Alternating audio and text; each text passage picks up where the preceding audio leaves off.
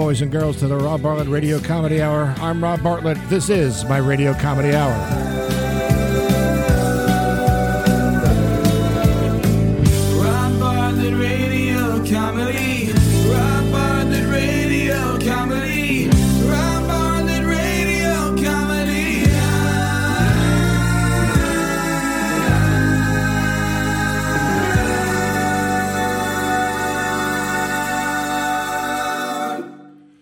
Happy holidays, Merry Christmas, and Happy Hanukkah. And there's fewer than two shopping weeks until the holidays are upon us, boys and girls. And so uh, we decided to uh, provide you with a little gift giving guide, uh, maybe give you some ideas. The best idea is get them tickets to see the Rob Bartlett Holiday Extravaganza at the Seven Angels Theatre in Waterbury, Connecticut on Saturday night, December 28th. That's right. It's the Saturday between Christmas and New Year's. It's the perfect time. You can give that special someone a pair of tickets. Uh, on Christmas Day, and then they just a mere three days later, they'll be enjoying the gift of laughter. Uh, you can go to sevenangelstheater.org. Theater is spelled with an R-E, the fancy British way. Uh, or you can call 203-757-4676. 203-757-4676 for tickets. And we have a special VIP seats, which include a post-show meet and greet with the Robio. That's right, schmooze along with the great man. On Moisha, on Herschel, on Shlomo. Says Hanukkah Harry, eight nights a year. On Moisha, on Herschel, on Shlomo. Means that Hanukkah Harry is here.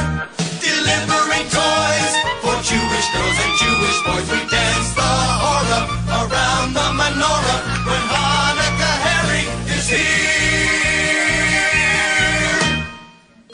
Now, Hanukkah starts uh, on the 22nd, I believe, uh, which is just before Christmas, but it'll go right through Christmas because there's eight days of Hanukkah, as we all know. Um, for those of you who don't really know a lot about Hanukkah, uh, we happen to have a, a very special guest with us who uh, can give you an idea of some of the background and the history and some observations and comment on the Festival of Lights. Ladies and gentlemen, please welcome First Amendment advocate, pornographer, and quadriplegic, Mr. Larry Flynt. Welcome to the I'm Swing program. My old friend Larry Flynt. Larry, how are you? Oh, great. How are you? I'm pissed off. That's how I am. Uh, yeah. Ooh, I'll alert the media.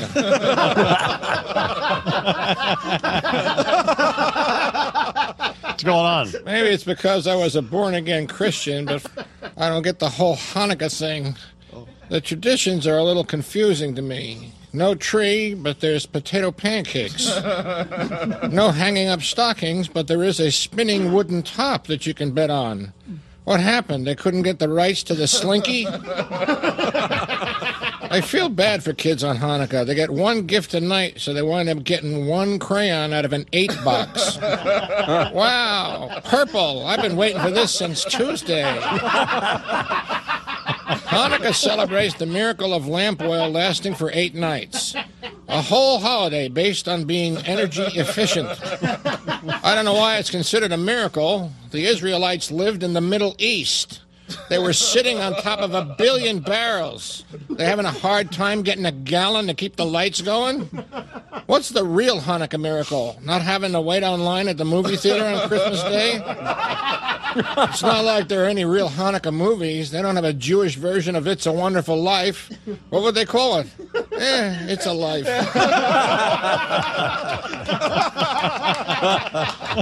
or Miracle on 47th Street, where a jeweler in the Diamond District discovers that retail is real. No Hanukkah songs, no Rudolph the Reformed Rabbi.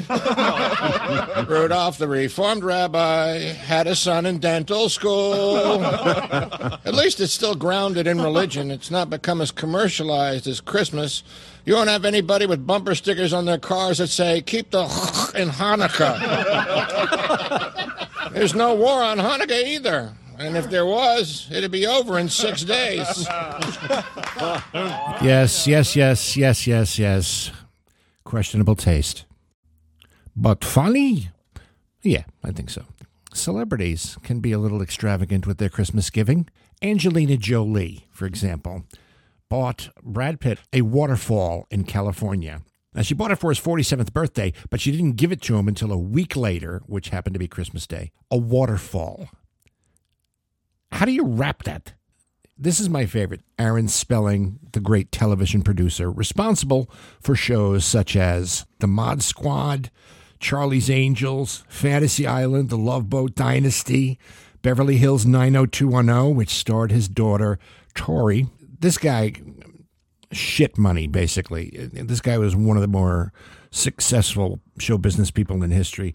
He, one Christmas, brought in to his LA mansion, he brought in artificial snow for his kids to play in and make snowmen. Brought in snow to LA for $2 million. This is why they hate us, boys and girls. This is why every other nation on the planet hates the United States. Because we have people on the streets starving and homeless, and people who are so rich they buy snow for their kids. Now, this is kind of cool. The royal family. You would think that they would be another example of wretched excess. No, no, no, because they're terribly, terribly British and they have a little bit of restraint. And so when the royal family exchanges gifts, uh, it's at tea time on Christmas Eve, but it's gag gifts.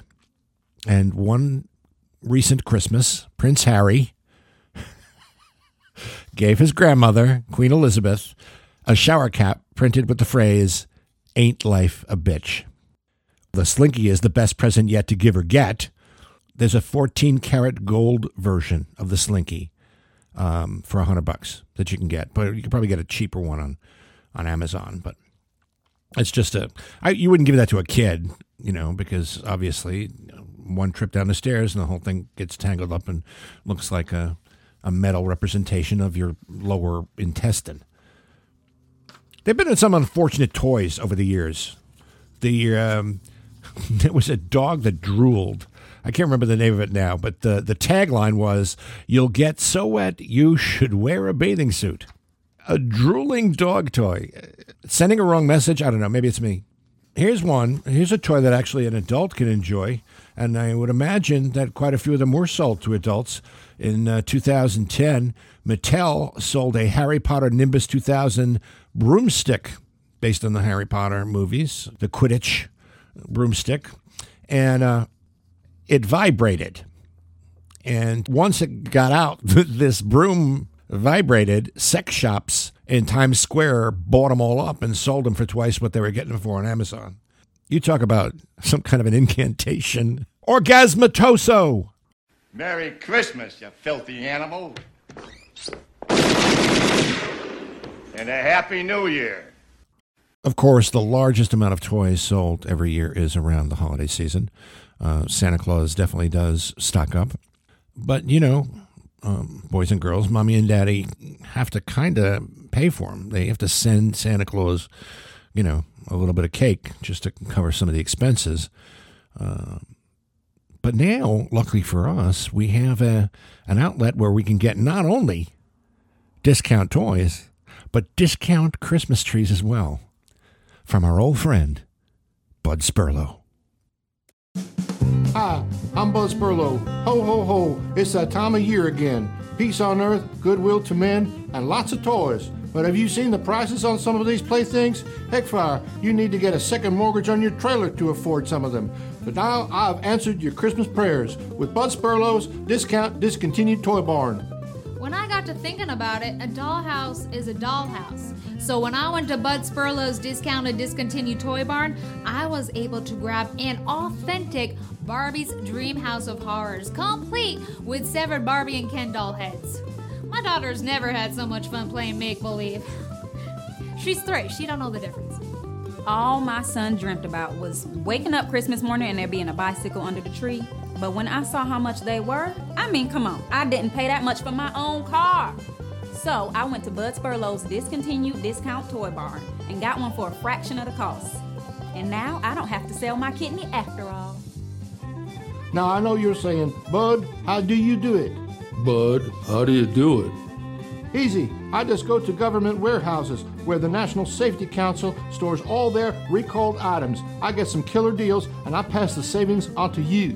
When Christmas morning came around, my son found his bicycle under the tree just like he always wanted.